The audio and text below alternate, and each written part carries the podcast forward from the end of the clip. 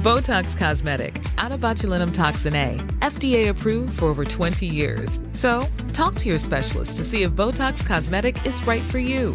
For full prescribing information, including boxed warning, visit BotoxCosmetic.com or call 877-351-0300. Remember to ask for Botox Cosmetic by name.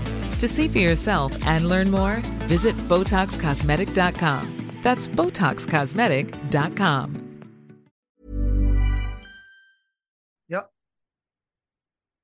Halo pendengar GGMI Podcast, baik lagi bersama kita berdua. Dan sedikit merayakan kemenangan dramatis atas Aston Villa di kandang dengan gol yang ditorehkan oleh Bruno Fernandes satu-satunya dan menjadi pertandingan yang sangat mendebarkan karena di menit akhir Harry Maguire harus menjadi cameo yang masuk. nah, lihat dari skuad utama ya, tidak ada lagi nama Harry Maguire seperti biasa dan lini belakang masih sebenarnya semakin solid ya, Meg, uh, Shaw dan juga uh, Lindelof gitu kan. Tapi kalau kita ngomongin secara skuad yang main, apa yang lu bisa tangkap dengan ketidakhadirannya Anthony dari uh, dari menit awal, Vin? Hmm, iya iya. Um, gua merasa bahwa ini adalah hal yang perlu dan bagus ya untuk dilakukan oleh seorang pelatih yang mana ketika ada pertandingan di mana beberapa pemain yang mungkin only give uh, 90% ya, ya, seperti yang dibilang Ten Hag ketika setelah melawan Tottenham ya. Not 100% tapi only uh, 90% dan mereka udah puas ini perlu ada yang namanya mungkin perubahan sedikit gitu yang mana pemain-pemain ini harus merasa bahwa dia itu tidak aman dia tidak akan selalu main dan lu akan digantikan kalau lu nggak perform kayak gitu. Dan itu sangat bagus dan sejujurnya memang kita semua mungkin nggak nyangka ya bahwa kemarin perubahannya ada beberapa dan agak apa ya um, oh lumayan juga nih perubahannya. Yang pertama kan Wan Bisaka ya yang mana Wan Bisaka menurut gua lawan Spurs kemarin jelek banget dan sempat diganti menit 60 dan akhirnya benar-benar tidak bermain sama sekali kemarin lawan Villa dan digantikan oleh Diogo Dalot di kanan dan juga Malaysia main di kiri. Nah, uniknya Malaysia kan juga jelek ya mainnya gitu loh.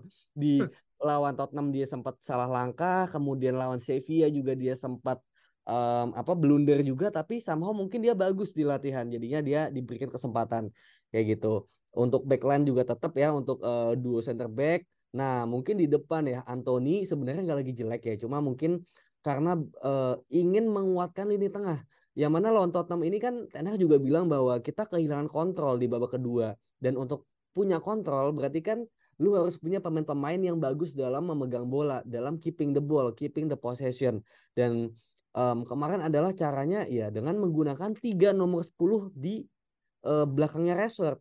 Sancho, Bruno dan juga Sabitzer dan itu menarik menurut gue gitu. Jadi kita mungkin nggak punya width kita nggak punya pemain yang cepat di sisi sayap gitu. Punya kelebaran tidak ada semuanya di tengah semua. Tapi itu bikin kita punya kontrol penuh di lini tengah gitu. Dan itu adalah kunci di mana pada akhirnya kita bisa mematikan lini tengahnya Aston Villa gitu. Kita bisa mendominasi cuma sayangnya ya killer instingnya juga masih kurang. Itu aja gitu. Tapi at least untuk mendapatkan kontrol sama 90 menit yang kita lacking di lawan Tottenham itu kemarin berhasil dengan um, adanya Dalot, Malaysia dan juga Sabitzer juga ya di tengah gitu sebenarnya gue. I see. Wah ini memang sebenarnya ini adalah evaluasi dari pertandingan yang seharusnya minggu lalu kita kalau itu Bruno nggak kena tiang mungkin beda cerita ya. Hmm, iya, iya. karena akhirnya ada satu momen dan memang kan di sepak bola emang selalu seperti itu ya. Lu salah satu langkah atau akhirnya menciptakan satu gerakan akan leading ke hal yang entah itu positif atau negatif gitu. Dan kemarin gitu kan, apa yang Alvin tadi bilang masalah klinikal ya, terutama dari sosok striker yang di mana Rashford sempat beberapa kali ya di babak awal kan dapat uh, apa namanya trupas entah dari langsung dari belakang ya atau mungkin dari tengah gitu kan yang sayangnya gitu gue nggak tahu apa yang terjadi tapi selain daripada dia akhirnya bisa mencetak pre assist ya uh, kepada Bruno gitu kan tapi sisanya gue nggak ngelihat dia bisa fighting ya dengan uh, Tyler Mings gitu kan atau dengan back-back lainnya Aston Villa yang cenderung dia malah jadi orang yang ngebuat harusnya kita bisa lebih dari satu gol justru malah di dia jadi terhambat gitu kan tapi coba kita putus set dulu dan kalau kita ngelihat gitu kemarin tuh sebenarnya ternyata pas gue cek Aston Villa juga secara peringkat juga nggak jelek ya dia peringkat yeah. Iya. 6 gitu kan hmm. sebelum mereka turun kan ke peringkat 7 gitu tapi uh, Una Emery dan uh, Aston Villa sekarang dari 11 pertandingan ini tuh adalah mungkin bisa bilang kekalahan yang paling minim di antara apa yang mungkin Aston Villa alami sebelum dari Unai Emery takeover gitu. Jadi Aston Villa mengalami peningkatan drastis dan Bruno Fernandes kemarin mencetakkan gol ketujuhnya ke gawang Aston Villa selama dia berseragam MU gitu kan. Jadi ini kemarin gol yang sangat berarti gitu. Nah, kalau kita ngelihat secara permainan gitu kan, di mana akhirnya uh, kita melihat uh, Sancho yang kemudian ditarik gitu kan. Dan masuknya Fred menggantikan Erikson ini pure karena memang taktikal. Karena kemarin kan juga ter ada kebuntuan ya Vini. Dan akhirnya Martial juga dimasukin di menit-menit akhir. Itu lo pure ngelihat ada perubahan yang ingin uh, Ten Hag lakuin atau memang sekedar untuk rotational player aja Vin? Ya itu dua-duanya sih gitu yang mana Erikson pun juga kayaknya belum begitu ini ya ritme bermainnya juga belum 100% seperti sebelum cedera gitu. Jadi memang masih harus dijaga dia nggak bisa main lebih dari 60 menit dan ya akhirnya dimasukin Fred kan karena nggak ada pemain lain. Sabitzer juga udah main gitu soalnya.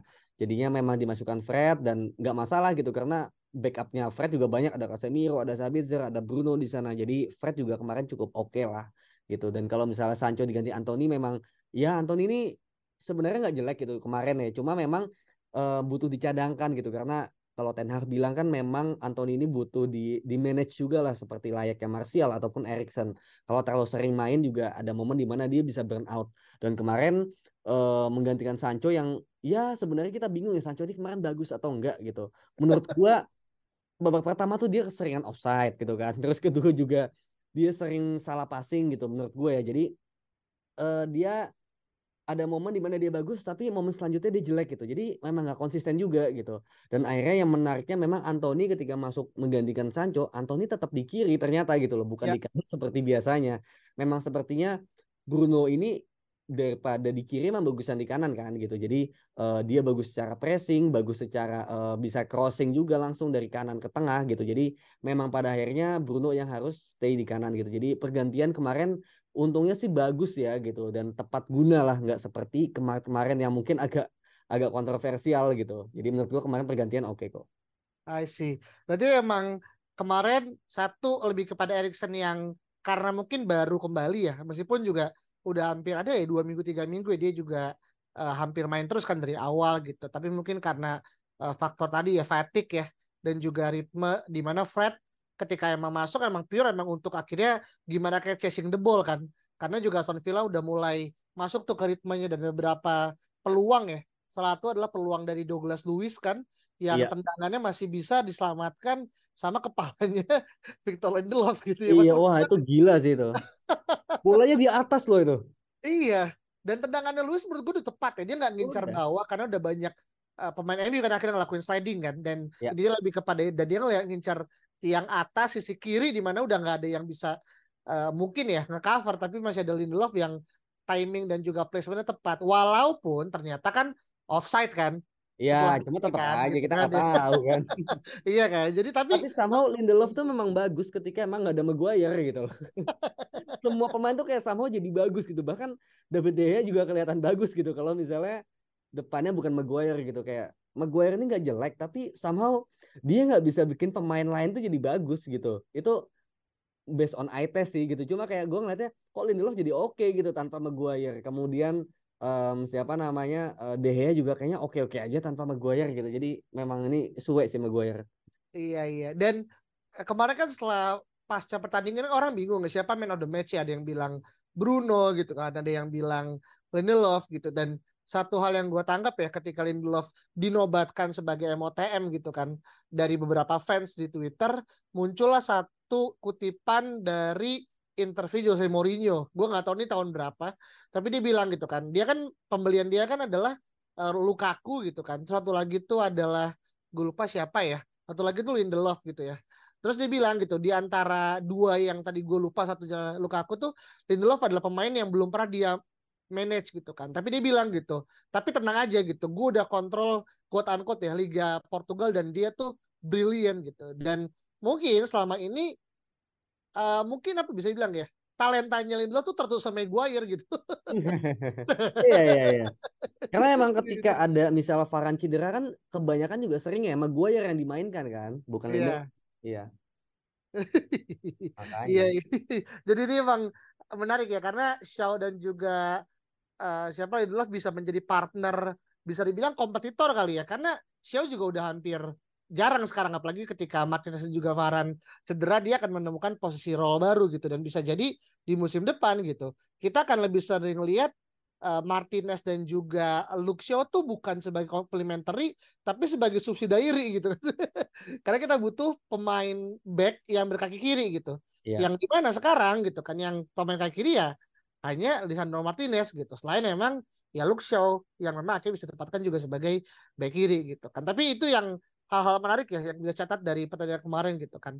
Nah yang lucunya nih, gue pengen uh, me melihat satu buah uh, apa ya mungkin case ya di mana di ketika menit akhir ya di peluit terakhir ada momen yang tertangkap kamera ketika uh, bisa dibilang Casemiro ya dan juga Bruno itu kan terlibat quote unquote cekcok ya dan itu kan bukan kali pertama ya Vin ya Uh, yeah, di momen yeah. sebelumnya juga pernah kan meskipun kemarin tuh kelihatan in, apa intens banget dan ternyata setelah dikulik katanya Bruno tuh lebih mendelay bola kan yeah. yang membuat akhirnya terjadinya foul yang dilakukan sama Malaysia dan hampir uh, membuahkan gol gitu. Nah, lu ngelihat uh, apa ya momen tersebut tuh apa sih? Apakah memang hal tersebut perlu dilakukan atau bahkan ada yang bilang itu menunjukkan kalau Casemiro itu adalah the real captain gitu, bukan Bruno gitu. Lalu melihat dispute ini seperti apa, Vin? Ya memang yang namanya kapten itu kan kadang-kadang tanpa ban ya maksudnya tanpa sebuah titel atau tanpa sebuah apa yang dikenakan gitu tapi memang dia punya sosok leadership. Dan Casemiro ini kan bisa dibilang ya sekarang bersama Varane adalah pemain yang paling banyak punya gelar gitu. Entah di lokal ataupun di um, konteksnya itu adalah uh, apa Eropa gitu. Yaitu Liga Champions. Jadi memang ketika Casemiro marah ke Bruno gitu ya itu sangat wajar karena Casemiro ini udah berkali-kali menang Liga Champions sampai lima kali gitu. Bahkan kemarin ketika adu penalti lawan Brighton dia secara sukarela pengen jadi penendang pertama kan gitu. Kayak ya elah ginian doang gitu kan. Dia final UCL udah lima kali gitu loh. Udah gak ada rasanya lagi. Ini cuma FA Cup semifinal lagi lawannya Brighton gitu. Jadi buat dia tuh ya piece of cake lah kayak gini-gini. Jadi yang menurut gua ketika kemarin Bruno juga melakukan kesalahan ini kan apa ya experience ya pengalaman di mana Casemiro udah melalang buana udah sampai ke tingkat yang setinggi itu sedangkan Bruno juga belum pernah main di final Liga Champions gitu. Jadi ketika si uh, hal yang terjadi adalah seperti kemarin menurut gue ya itu maintaining the standard aja gitu bagaimana Casemiro melihat meskipun kita udah unggul waktu tinggal sedikit tapi lu jangan sampai melakukan kesalahan fatal gitu. Yang mana ya kemarin fatal menurut gue gitu. Pengambilan keputusan yang salah yang mana hampir aja membuat kita kehilangan poin lagi gitu. Kalau itu tendangannya mungkin di, diambil langsung ya ke gawang bisa aja gol kan gitu. Atau ternyata misalnya clearance-nya salah itu bisa gol lagi gitu. Yang mana kita harusnya bisa mungkin pojokin ke corner kemudian ditahan sama Martial. Martial tuh udah lari gitu loh. Jadi Casemiro juga sempat sebel gitu. Dan katanya De juga sempat nyamperin Bruno juga dia sebel juga gitu. Kayak ya itu adalah hal-hal yang harus dihindari gitu. Pengambilan keputusannya tuh harus lebih bagus lagi dan ketika dibilang Casemiro adalah real captain ya menurut gua siapa pun bisa jadi kapten gitu loh kayak Casemiro mungkin terkendala di bahasa gitu tapi Bruno udah lebih menjadi pemain yang apa ya uh, merekatkan lah gitu dari semua pemain yang mungkin Latin, yang Inggris juga gitu, yang Eropa lainnya gitu. Jadi menurut gua oke bagus lah semakin banyak leader di di tim ya bagus gitu. Tapi ketika memang mungkin tengah melihat Bruno ini lebih seperti apa ya pemain yang bisa jadi perekat antar pemain lain gitu untuk pemain lain ya menurut gue mungkin memang kapten memang tetap di Bruno tapi untuk masalah uh, leadership gitu untuk bagaimana menyemangati tim, memotivasi tim ya nggak cuma dari Bruno, dari Casemiro bisa, dari Varane bisa, dari David De Gea bisa gitu. Jadi itu nggak jadi masalah sih menurut gue. Hmm, I see. Jadi ini lebih kepada kita ambil sisi positifnya ya tentang bagaimana akhirnya walaupun menang, tapi ada bolong-bolong yang kemudian akhirnya uh, dilihat ya oleh pemain yang akhirnya terjun langsung gitu. Di mana tadi lo bilang nggak cuma Casemiro yang mungkin itu yang tertangkap kamera ya. Kalau yang De Gea gue juga belum cek sih. Tapi berarti kan menunjukkan kalau apa yang akhirnya menjadi gesture di lapangan gitu itu bisa menimbulkan suatu dampak dan kita sering banget kan kejebolan di menit-menit akhir gitu. Dari hal-hal yang bisa bilang konyol gitu. Entah dari corner entah dari free kick gitu. Apalagi kemarin udah adanya Harry Maguire gitu. Jadi chance untuk akhirnya kejebolan semakin lebih tinggi gitu. Dibandingkan nggak ada dia gitu. Tapi lucunya dia kan Maguire kan tiba-tiba hadir ya di pertempuran eh, apa perdebatan antara Casemiro dan juga Bruno tapi seolah tuh kayak diabaikan aja gitu. iya ya kayak ini dia loh kaptennya sebenarnya gitu tapi tidak terlihat auranya gitu. itu juga jadi suatu hal yang menurut gua sangat-sangat apa ya dilematis ya. Gue kadang kasihan gitu kan, tapi kadang juga ngerasa memang dia pantas mendapatkan itu. Jadi kita lihat lah bagaimana dinamikanya. Tapi semua orang percaya bahwasanya uh, apa under circumstances kalaupun ada apa Tenak pasti akan menjadi penengah ya dalam arti dan dia nggak akan membiarkan ya. Uh, at least kan sampai saat ini ya gue masih merasa Bruno dan juga Casemiro adalah bisa dibilang ya dua pemain yang paling jadi bintang gitu. Secara value market secara kontribusi ya gitu. Tanpa kemudian akan kita disrespecting apa yang Rashford lakukan gitu kan dengan total lebih dari 30 gol ya uh, di musim ini gitu. Yang menurut gue kayak itu juga satu stats. Tapi kalau ngomongin masalah konsistensi ya Bruno udah terbukti dari tahun pertama datang dan Casemiro dampaknya udah sangat-sangat luar biasa di musim pertama gitu. Jadi gue sih ngerasa dan kita kan belum pernah kalah kan ketika akhirnya Bruno dan juga Casemiro bermain. Jadi ya anggaplah itu sebagai suatu bumbu lah ya untuk akhirnya kita bersiap melawan atau bisa dibilang apa ya bertamu kali ya hmm. ke tim yang seolah tuh jadi sering ketemu nih kita di musim ini nih yaitu adalah Brighton and Hove Albion yang baru aja di akhir pekan lalu juga melumat ya. E, bisa dibilang tim yang kiper ini salah satu kiper yang menurut gue gue apresiasi ya Josesa gitu kan. Ternyata bisa kejebolan 6 gol dari Brighton di mana dia back lagi ya? Iya nyetak dua gol loh dengan ya meskipun ya pasti mainnya kolektif ya kita tahu ya bagaimana De Zerbi dengan timnya benar-benar bermain sebagai tim gitu karena kita harus sekali lagi gitu kan bertemu dengan tim yang menyusahkan kita di berbagai macam eh, kesempatan ya gitu. Dan terakhir kita ketemu kan di semifinal Piala Eva di mana kita menang adu penalti ya dramatis hmm. gitu. Nah pertanyaan gua adalah apakah ini menjadi pertandingan yang akan mudah ditebak karena kita udah ketemu cukup sering? Atau lu ngerasa tetap ada bumbu yang memang tersaji ketika nanti kita bertanding ke Max Stadium? Jujur ya gue takut. Gue takut lawan Brighton gitu karena apa ya? Gila men. Gue kemarin tuh Brighton lawan Wolves itu gue nonton kan kayak Iya. Ah, gol lagi, gol lagi gitu. Kayak ini mau sampai berapa aja? Gitu. Kayak Wolves itu kan nggak lagi jelek ya gitu. Dan kalau nggak salah lagi tren yang oke okay juga gitu dan Josesa ini dihajar 6 duanya sama Pascal Gross dua lagi sama Undaf dua lagi sama Welbeck gitu kayak gue bagus-bagus gitu kayak. Dan dan Brighton ini tuh lagi istirahatin pemain-pemainnya. Istirahatin Kaisedo istirahatin Mitoma istirahatin McAllister gitu. Tapi 6-0 aja gitu. Gila gue dan itu nggak ada Ferguson juga ya. Jadi gue ngeliat kayak gila ya ini tim main dia tuh di kandang di Amex kan gitu dan kita tuh bakal ke sana juga gitu loh nanti jadi wah ini jujur gue ngeri banget dan ketika lu bicara bumbu pastinya pembalasan dendam lah gitu yang akan dilakukan oleh Roberto De Zerbi ya, yang mana di semifinal kemarin dia juga mengklaim bahwa kita lebih pantas menang Brighton lebih pantas menang karena lebih bermain lebih bagus dan gue pun mengakui gitu ini Brighton yang lebih pantas menang sebenarnya gitu. Tapi somehow ya namanya piala ya, namanya kompetisi dan adu penalti, kadang tim terbaik tidak selalu menang gitu. Jadinya tim yang lebih beruntung lah ya gitu. Dan yang akhirnya harus menang. Jadi menurut gue di match kali ini di Jumat ini lagi ya, yang mana tiga Jumat kemarin kita selalu sial, gue takut jujur ya gitu. Gue takut kayak mungkin gue jadi orang sangat realistis dengan imbangannya udah bagus gitu loh. dengan tidak di outplayed dan tidak di outsmart ya sama Dezerbi itu kayak udah bagus gitu. Tinggal bagaimana menurut gue kuncinya adalah Ten Hag bisa meramu timnya gitu dengan sebaik mungkin dan tidak ada blunder sama sekali dan itu kan susah ya. Kayak apa ya? Bagaimana mungkin timnya udah bener diramunya tapi somehow pemain-pemainnya eksekusi tidak bagus gitu. Jadi memang banyak faktor yang bisa terjadi nantinya. Tapi jujur di pertandingan kali ini lawan Brighton gua ketakutan gitu. Waduh. Karena ini kan juga adalah bisa dibilang apa ya? Mungkin orang bilang wah kita udah secure nih uh, Liga Champions. Menurut gua jujur belum ya. Belum Karena lah. kita sekarang kan peringkat 4 gitu, turun gitu. Karena juga Newcastle kemarin juga menang besar ya, 4-1 gitu kan. Yang mana itu pun juga untung itu udah gak ketemu lagi sama Newcastle ya.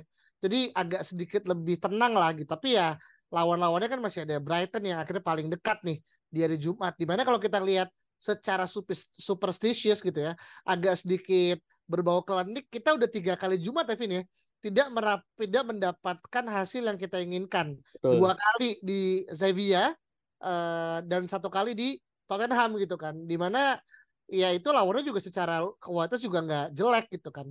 Apalagi ini mungkin di antara Tottenham dan juga Sevilla, Brighton mungkin di atas kertas dibandingkan sama dua tim lain ini mungkin secara komposisi main mungkin agak lebih kurang. Tapi masalah konektivitas bagaimana pelatih dan juga tren kita nggak bisa nganggap remeh lah gitu kan. Brighton dengan tim yang sangat-sangat solid gitu kan. Nah Brighton juga sekarang kan di peringkat ke-8 ya yeah. uh, 52 poin dan masih sangat bisa untuk mengejar zona uh, Piala Eropa gitu kan uh, European Champions League gitu kan dan menurut gue ini adalah pertaruhan untuk Deserbi untuk bisa menebus apa yang tadi lu bilang gitu kan e, kenyataan pahit di mana akhirnya Jose March yang akhirnya mengendang bola terlalu cepat ke bulan April gitu. itu kan disampaikan sama Pandit gitu kan. Tapi kalau lihat secara komposisi pemain apakah Tenang akan menurunkan porsi yang sama hanya dengan mungkin Dalo diganti sama Wan Bisaka karena itu akan jadi master game lagi ya antara Dalo eh apa Wan Bisaka melawan Mitoma lagi? Nah ini sejujurnya gue again ya gue nggak tahu ya pendekatan seperti apa yang paling bagus ketika melawan Brighton gitu. Soalnya ini away kan. Dan kita kan punya rekor yang sangat jelek ya ketika away melawan top 9 kita itu selalu kalah.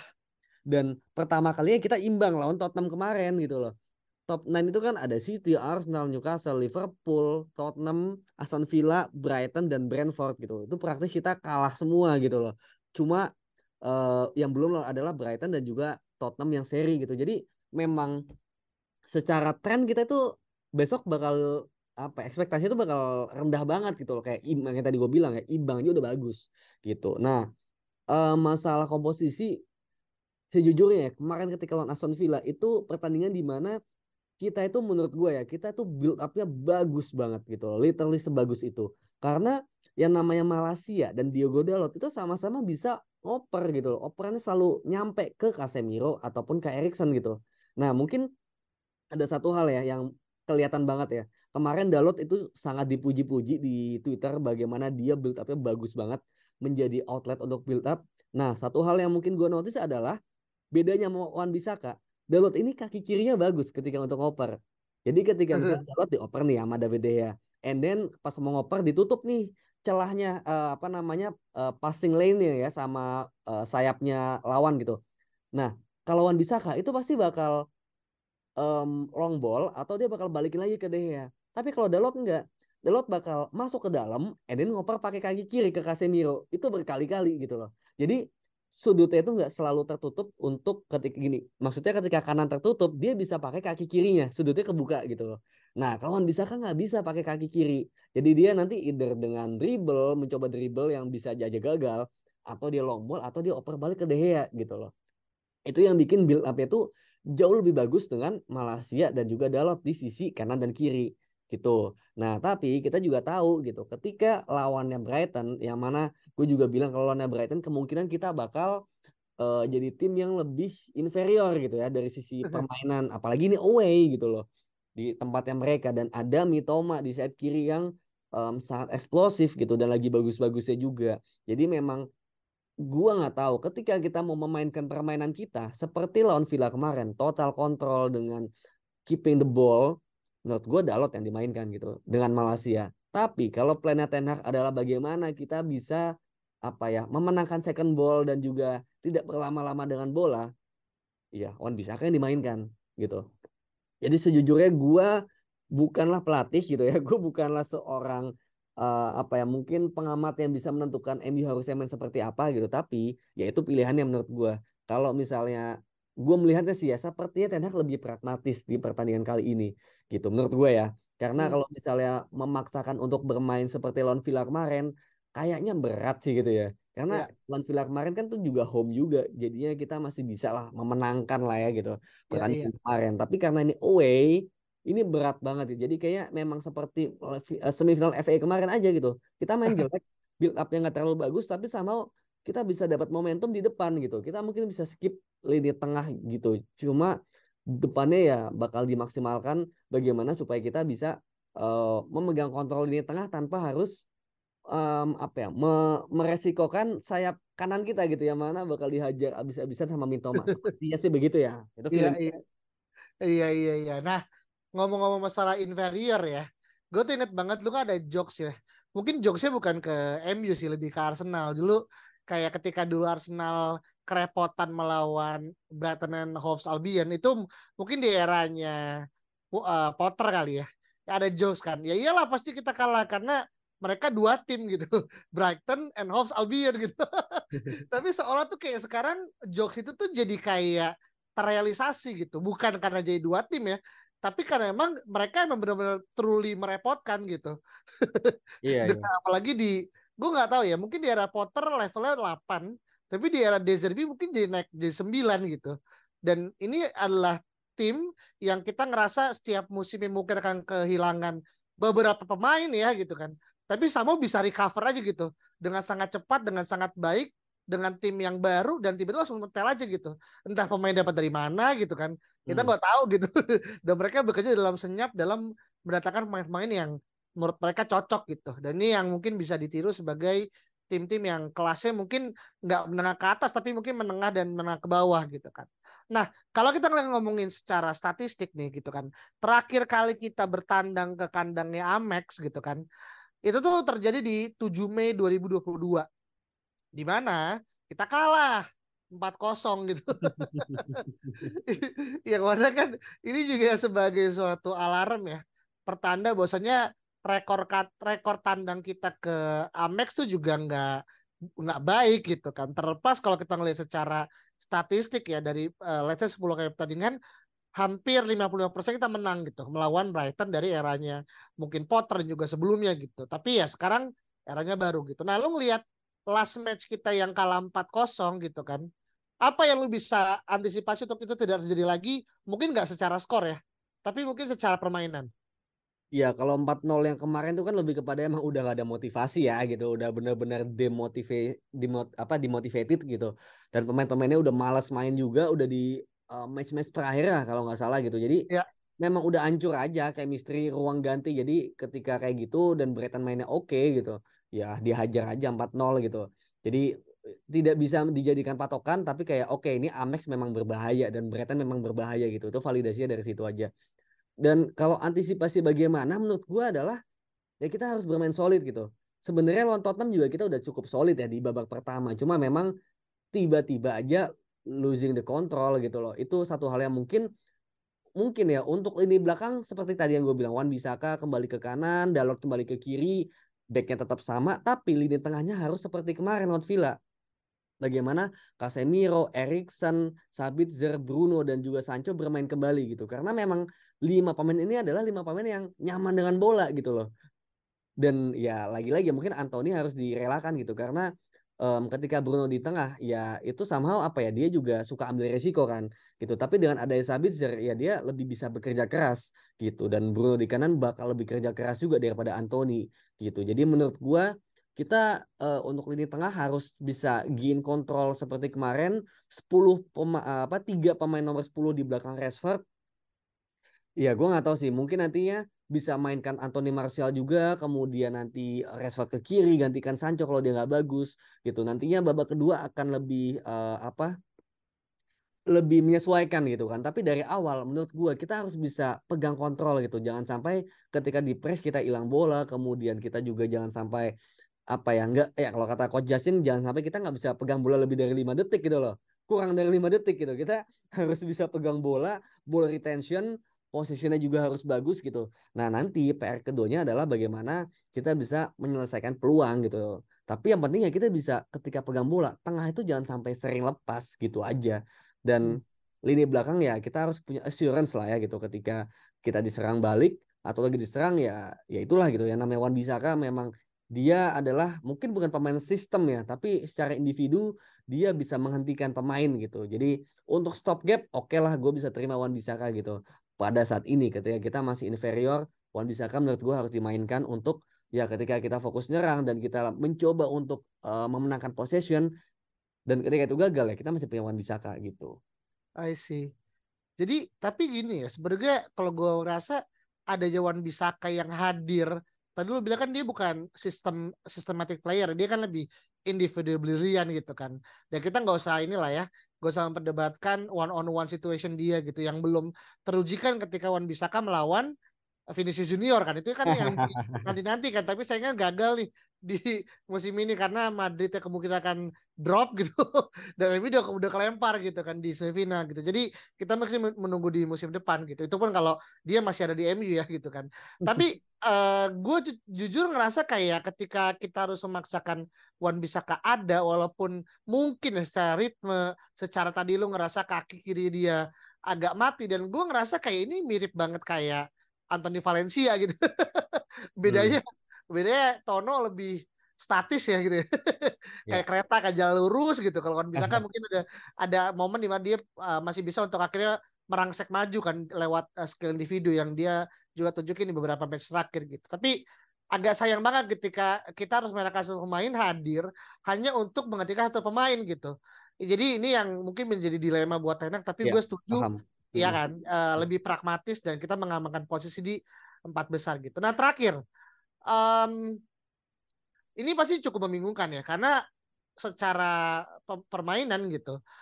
Ketika gue gua nanya diri gue sendiri, siapa pemain yang sekarang patut diperhitungkan di sisi Brighton itu mungkin di kepala gue banyak nama gitu kan tapi entah kenapa gitu gue tuh kemarin pas pas gue nonton juga kan pas dia menang 6-0 walaupun hanya yang pertama gitu gue tuh tertarik banget sama pemainnya Brighton yang nomor berapa ya? Yang main muda tuh gue lupa siapa yang dari Argentina. Enciso ya? Iya. Dia Paraguay, tuh, Paraguay. Oh Paraguay ya, Paraguay ya. ya. Uh, berarti temennya si siapa tuh? Almiron. Almiron. Gak lama sih menurut gue, gue atau dia entah baru di musim pertama atau sebelumnya udah ada ya. Tapi gue atas baru lihat dia di musim ini gitu kan. Ya. Itu secara permainan cukup bisa menjanjikan dan mengisi posisi yang menurut gue vital ya gitu mendampingi Kasedo gitu kan di tengah dan juga bareng McAllister gitu. Nah lu ngerasa apakah cukup setuju kalau ini adalah pemain yang bisa menjadi threat atau lu ngerasa ada pemain lain yang selain Mitoma ya uh, yang mungkin bisa menjadi player to watch untuk di pertandingan besok? Player to watch-nya banyak sih menurut gue gitu dan Enciso ini salah satunya cuma gue nggak yakin dia bakal main starter ya karena um, sisi kanan pasti punya Soli March, kiri udah pasti Mitoma, depan juga kayaknya ya Welbeck juga akan dimainkan. Nah, lini tengah ini kan dia 4-2-3-1. Kaisedo udah bermain, ada Pascal Gross dan juga ada McAllister gitu. Jadi memang kayaknya Enciso bakal babak kedua menjadi cameo gitu, menjadi super sub lah ketika ada pemain yang udah tidak bagus bermainnya. Gue lupa ya kanan Feldman udah bisa main atau belum. Kalau udah bisa main berarti ya ya berarti Gross tetap di tengah gitu. Tapi kalau Feldmannya cedera kan mungkin Pascal Gross ke belakang, ke bek kanan, McAllister jadi temannya Kaisedo dan Enciso di AM lagi kayak di semifinal FA kemarin gitu. Cuma menurut gua kalau Feldman bisa main ya udah berarti Enciso bakal babak kedua dan ini malah lebih bahaya lagi gitu karena energinya ini kan lebih banyak gitu loh. Dan kita jangan sampai nanti bisa kewalahan gitu me, apa ya melihat ada pemain yang baru masuk gitu dan dia kan golin juga ya gawang Chelsea uh, penentu kemenangan juga gitu. Jadi menurut gua Enciso sangat bahaya gitu. Jadi um, kalau ditanya player to watch versi gua gua nggak tahu gitu. Karena banyak banget. Dan jangan sampai kita cuma fokus ke satu pemain tapi memang Brighton ini kan kolektif ya. Jadi memang secara sistem yang harus dilawan gitu loh. Sistem melawan sistem gitu. Makanya tadi gue juga setuju sama lu. Apa iya kita merelakan satu sistem demi satu pemain gitu loh. Yaitu let's say Mitoma dengan kita mainkan Wan Bisaka gitu. Jadi inilah satu hal yang mungkin gue juga nggak tahu ya. Tapi semoga nanti keputusan Ten ini adalah keputusan yang paling bagus dan sudah dipertimbangkan matang-matang gitu aja Hmm, iya iya iya iya. Berarti kan konteksnya di sini emang yang lebih berat adalah ketika kita sendiri pun sebagai fans ya bingung gitu. Mana pemain yang akhirnya lebih bahaya dibanding lainnya karena semuanya juga dalam kondisi yang sangat-sangat baik. Apalagi mental mereka setelah 6-0 ya gitu kan. Itu pasti akan boostingnya sangat-sangat tinggi gitu. Itu pun kalau kemarin MU kita seri ya atau bahkan uh, gole Bruno di disallow karena Rashford mungkin yang offside itu mungkin bisa beda ya mentality wise gitu kan. Iya. Tapi untungnya karena kita menang dan kita main juga di kandang dan juga secara energi kita hanya berfokus pada dua ya. Berarti kan sekarang Liga Inggris dan juga final Piala FA yang masih agak cukup lama gitu kan. Jadi ya paling nggak secara energi levelnya kita masih bisa istirahat lah ya. Uh, cukup gitu kan. Walaupun nanti setelah Jumat Senin paginya akan main lagi. Nah itu baru another rotation karena kita juga yeah. akan apa namanya uh, bertandang ke apa ya gue lupa setelah West Ham gitu yang mana juga habis kalah kemarin kan. Tapi itu di inilah nanti di next episode gitu kan.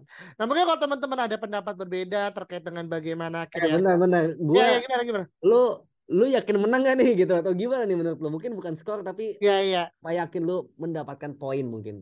Gua ngerasa sih kalau masalah chance kita untuk menang ini emang 50-50 simple karena gua ngerasa ini masalah performance trend aja ya di di atas lapangan gitu.